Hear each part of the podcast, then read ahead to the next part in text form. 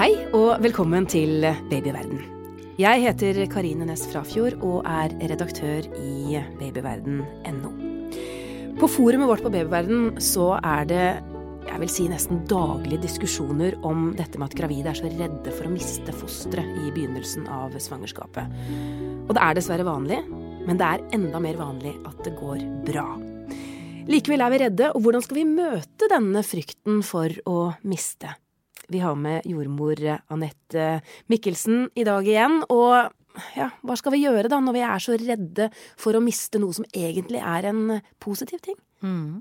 Ja, jeg tenker at uh, dette er nok uh, noe som kvinner også til alle tider har uh, vært opptatt av. Altså at man er redd for å miste det lille barnet man har i magen.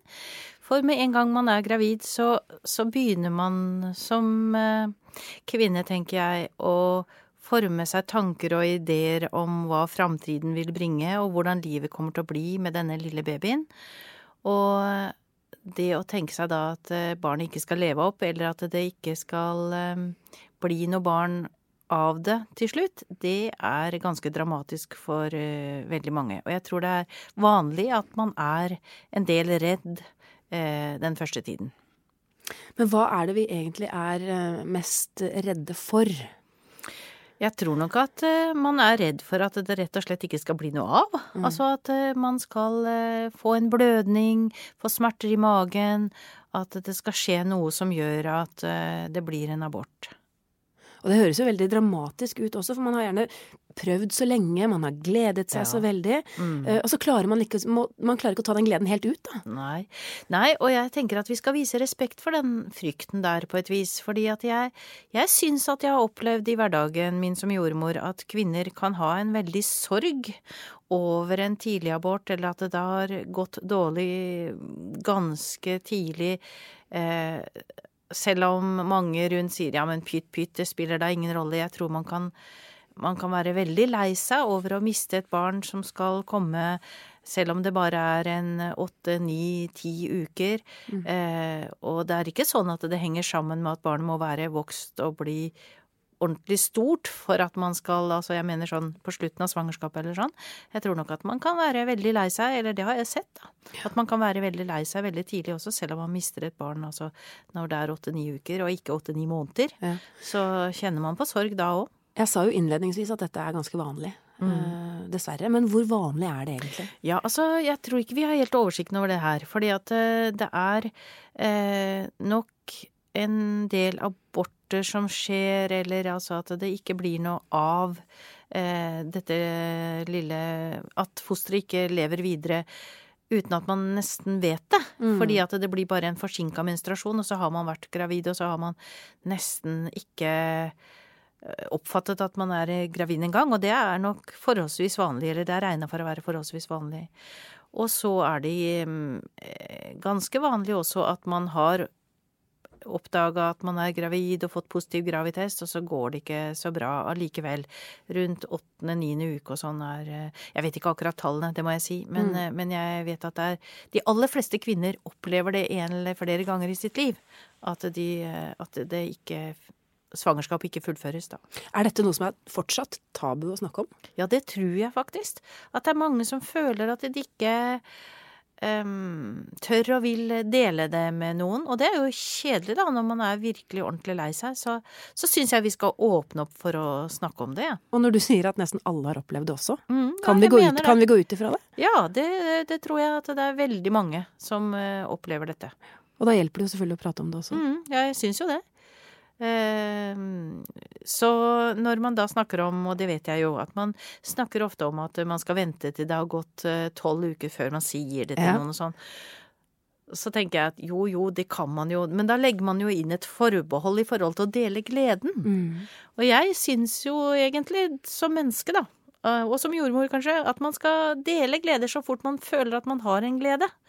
Eh, for hvis man deler gleden med familien sin, ikke bare med, med den kommende pappaen, men med familien, så har man jo også noen å dele sorgen med. Mm. Sånn at det, det, blir jo litt umulig å ikke eh, si det eh, så tidlig som Eller altså, man, man, kan selvfølgelig velge den varianten, men det, det derre forbeholdet man tar i livets alle situasjoner, det er jeg egentlig ikke så veldig for, jeg. Jeg Nei. tror vi skal glede oss når vi skal glede oss, og så skal vi ha sorger når vi har sorger. Så enkelt syns jeg det kan være. Og det syns jeg var så fint sagt. du, er det, er det, sånn at eh, er man trygg når man kommer i tolvte uke? For det er jo det som du sa òg, det er jo liksom tolvte ja. uke som er eh, ja. liksom det store krysset i kalenderen. Mm, og så kan man jo lure på hvorfor i all verden er det sånn. Ja, hvorfor er det sånn? Og det er, har rett og slett noe med noe så teknisk, for å si det sånn, å gjøre at i tolvte uke så er morkaka danna. Sånn at barnet henger sammen med denne morkaka si. Det er et lite eh, fosteranlegg eller et lite barn som har en navlesnor som henger da sammen med morkaka, og morkaka bidrar til en god beskyttelse for at barnet skal være inne i magen fortsatt. Mm. Så lenge det liksom eh, hva skal vi si sånn, svever løst, for å si det litt rart, inne i livmora, så har det mindre beskyttelse for eh, eventuelle hormonsvingninger og annet. Så det er tryggere etter tolvte uke? Det er tryggere etter eh, tolvte uke. Ja. Mm. Vi skal fortsette straks, men først eh, noen ord fra en av våre sponsorer. Visste du at tidlig høytlesning, helt fra barnet er nyfødt, pangstarter språklæringen? Barn og babyer som blir lest for, utvikler språk og hjerne på en annen måte enn barn som ikke blir lest for. Godboken er bokklubben som tilbyr barnet ditt riktig bok til riktig tid, som engasjerer og bidrar til språkutviklingen. Se første bokpakke til barnet ditt på godboken.no. Det er jo mange som eh, lurer også på om man selv kan gjøre noe for å forebygge det å miste fosteret? Ja, altså til en viss grad i alle fall. Nå er det jo gjerne sånn da at man sier det på den måten at hvis det ikke blir noe av fosteranlegget, eller hvis det blir en abort tidlig, så er det som oftest noe galt med fosteranlegget. Altså at det er noe som ikke fungerer optimalt, og det er en måte å sortere ut eh, ikke så gode fosteranlegg, for å si det sånn. Så naturen rydder opp? Ja, eh, det høres jo dramatisk ja, og fælt ut, det ikke sant. Det gjør jo det, men, men, det er vel eh, lagd sånn Sånn er det jo med dyrene, og sånn er det nok også med menneskene. Eh, så er det jo ikke alltid sånn.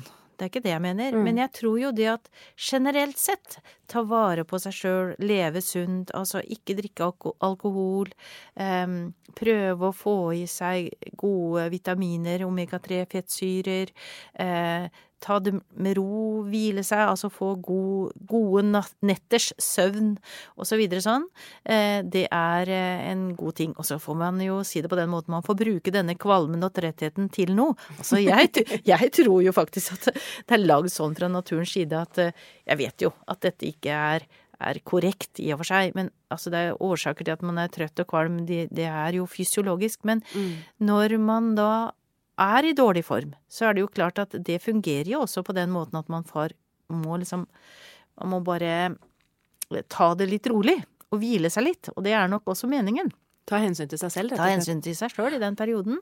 Så bidrar jo det til at eh, fosteranlegget får bedre feste, og at det går bedre òg. Men hvis det er sånn at man har mistet én gang, eh, har man da større eller mindre sjanse for at det skjer igjen? Ehm, jeg tror nok at eh, de fleste aborter de skjer nok hos førstegangsfødende. Og så når eh, Hva skal vi si for noe? Kroppen Det virker som om kroppene på en måte forstår hva dette dreier seg om. Altså kvinnekroppene. Sånn at eh, det er lettere for at det går bra de kommende gangene. Mm. Altså flergangsfødende har ikke så ofte aborter tror jeg, eller syns jeg husker, mm. som førstegangsfødende. Og det er jo ganske vanlig, og man eh, må eh, få hjelp til, eller snakke med noen som eh, eh nøytraliserer dette temaet litt, kanskje, og snakke litt om at dette blir ikke det, det er ikke noe som nødvendigvis kommer til å skje igjen og igjen. Mange er jo veldig redd for dette med blod, at man begynner ja. å blø litt. Men er det mm. sånn at hvis man blør og er gravid, at det er synonymt med at noe er galt? Nei, det behøver det ikke være. Eh, det er jo sånn at litt blødning, det kan skje på den tiden hvor man ellers ville hatt menstruasjon. Det er eh, ikke så uvanlig akkurat det. Altså det er akkurat som om kroppen ikke forstår helt at her er man gravid. Sånn at den lager til en liten menstruasjon, og da får man en liten blødning. Og så er det noen ganger, og dette er litt sånn spesielt, at man har et fosteranlegg for tvillinger. Og at den ene tvillingen eh, aborteres, og den andre babyen blir igjen. Oh, ja. Ja, så det er en veldig sånn snodig sak, for da kan det jo hende noen ganger, og det har jeg faktisk opplevd sjøl også, at det er mammaer som kommer og sier at nei, det blir ikke noe av dette her, jeg blødde veldig kraftig her for en ukes tid siden, og så etter en stund så oppdager de at de fortsatt er gravid. Og det er jo en snodig greie som man tror det kan da vel ikke gå an. Men da har det nok mest sannsynlig vært et tvillinganlegg som gjør at man da har fortsatt en, et fosteranlegg eller en liten baby i magen. da. Men hvordan vet man da, hvis det verste skal ha skjedd, at man har mista? Altså det å blø er jo én ting, men man trenger jo ikke nødvendigvis å, å blø heller. Nei. Er det andre tegn? Ja, altså i ytterste konsekvens så er det jo sånn da at man etter en stund vil oppdage at eh, graviditetssymptomene blir borte. Eh, og da er det jo gjerne det at man blir mindre kvalm, eh, og man får mindre spenthet i brystene, som man jo gjerne da har hatt, og en del andre graviditetssymptomer blir, blir borte. Og så kan man da gå til legen sin, eller også til sykehus, eh, for å sjekke ved en blodprøve om man har høye verdier eller graviditetsverdier av et hormon som heter HCG. Og, og, det synker langsomt, sånn at med en gang når aborten har skjedd, eller barnet, eh, fosteranlegget, er har dødd, så, så vil ikke HCG-en synke. Men etter en ukes tid så vil man se utslag på blodprøven at HCG har sunket. Og det, på sykehusene så ser man jo også med ultralyd, da selvfølgelig, om det er hjerteslag hos barnet. Men dette er jo ikke enkelt, for man kan blø, og man kan ikke blø. Man kan kanskje ha smerter eller ikke smerter. Jeg vet ikke. Når skal man virkelig ta kontakt da med jordmor eller lege? Ja, ja du har rett i det. Det er vel sånn, har jeg lært fra gammelt av, da, at når jeg jobba på gynekologisk avdeling, så husker jeg vi sa at har du blødning og litt blødning, så det, går det som oftest helt bra. Eh, og har du litt vondt i magen, som man kan ha når man er gravid, altså magen vokser jo, og det eh, blir større og større spreng der nede, så er det, så er jo som oftest det helt ufarlig. Men det er kombinasjonen, eh, det å ha blødninger og veldig vondt i magen, altså menstruasjonsaktig vondt pluss blødning, er som oftest regna for å være et forholdsvis dårlig tegn. Jeg tenker at man eh, bør kanskje uansett sjekke seg for sikkerhets skyld, da, hvis man har dette? Ja, det er jeg jo enig i. Eh, men hvis man ringer og har litt blødning, og ringer til sykehus eller eh, lege eller jordmor, så vil nok de aller fleste si at det er ikke så veldig farlig med litt blødning. Det er normalt og ganske vanlig.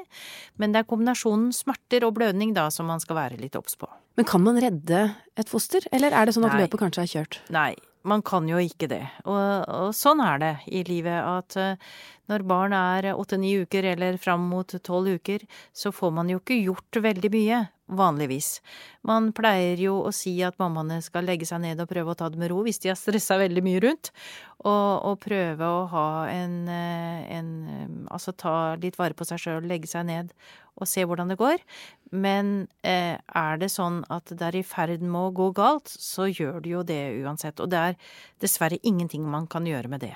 Og hvis det ikke er det, hva, hva er gangen videre da, hvis man har abortert? Nei, da er det litt forskjellig. Hvis det fortsatt er et fosteranlegg inni i eh, magen, så eh, er det sånn at man eh, noen ganger, hvis det ikke er tegn til infeksjon eller annet, så bare venter man litt og ser om dette blør ut av seg selv, hvilket er det beste faktisk, for da slipper man noen type operasjoner eller ha noen type instrumenter inn i seg. Men hvis ikke det skjer, så gjør man jo i en lett narkose en sånn utskrapning for å få tømt livmora, da. Hvordan opplever, opplever man det? Er det, mulig er det mulig å sette ord på det, eller er det veldig ulikt? Jeg tror det er veldig mange som syns at dette er veldig trist og veldig trasig, ja. og at det er ganske traumatisk og både å gå og vente på at man skal begynne å blø, selvfølgelig, ikke sant, eller, eller at man gjør denne typen utskrapning. Og jeg tror vel også at man i moderne tid, for å si det sånn, nå har begynt med at man kan sette inn noen tabletter også inn i skjeden som gjør at man får sammentrekninger, som gjør at fosteranlegget kommer ut av seg sjøl. Men da er man kanskje opptatt av etterpå, da, å prøve på nytt? Det er man jo, og vet du, jeg syns også det er veldig viktig, og det sier jeg til alle mine gravide òg, at hvis de har opplevd noe tilsvarende, har bestilt en time hos lege eller jordmor fordi at de skal ha svangerskapskontroller, mm. ikke sant? Og så hvis de da har en eller annen eh, At det skjer noe som gjør at de ikke fullfører svangerskapet, altså at det blir en abort, så syns jeg det er viktig at man kommer til jordmor eller lege likevel, og snakker om det man har opplevd. Ikke sant? Og det er det selvfølgelig mange som syns er veldig trist, da, å gå dit og Tanken var at man skulle komme dit for en graviditetskontroll, og så må man isteden komme for Eller så bør man kanskje komme for å bearbeide den opplevelsen man har hatt i forhold til en abort isteden, da. Men det tror jeg er viktig, og fint i forhold til å begynne på nytt igjen. Ja, hvor Må man vente en stund, rent sånn fysiologisk, eller? Det er veldig lurt, pleier man å si, at man har et par menstruasjoner før man begynner på nytt igjen. Men eh, der eh, tror jeg vi Der strides de lærde, for å si det sånn. Eh, noen steder så sier man at det er bare å begynne på nytt igjen, og den aborten man hadde, det blir som siste menstruasjons første dag. Altså den blødningen som var en abort, blir regna som første dag på siste mens. Eller så er det andre steder hvor man da mener at man skal vente et par, par menser før man setter i gang igjen. Og så er det bare da å håpe da, at denne gangen så, så går ja. det bra. Og da, ja. og da, er det noe med frykten igjen, da. Ja. Eh, da må man kanskje Det gjelder å krysse fingrene og ikke knærne, for å si det sånn, eller beina. da blir det kanskje barn? Ja, så blir det kanskje barn. Og det blir det jo som oftest. Det ordner seg jo som oftest. Det var godt å høre. Takk skal du ha, jordmor Anette Heggen Mikkelsen. Hvis du lurer på mer om dette temaet, finner du mange artikler på babyverden.no og diskusjoner med andre foreldre i Babyverdens diskusjonsforum. Last også ned appen vår, Gravid og barn, så har du informasjon om både graviditet og barnet ditt rett på telefonen. Har du spørsmål eller kommentarer, kan du sende en e-post til podkast at babyverden.no. Men husk, vi er journalister, ikke helsepersonell, så hvis du har medisinske spørsmål, må du ta kontakt med jordmor eller fastlegen din. Takk for at du hørte på Babyverden. Alt godt til vi høres igjen.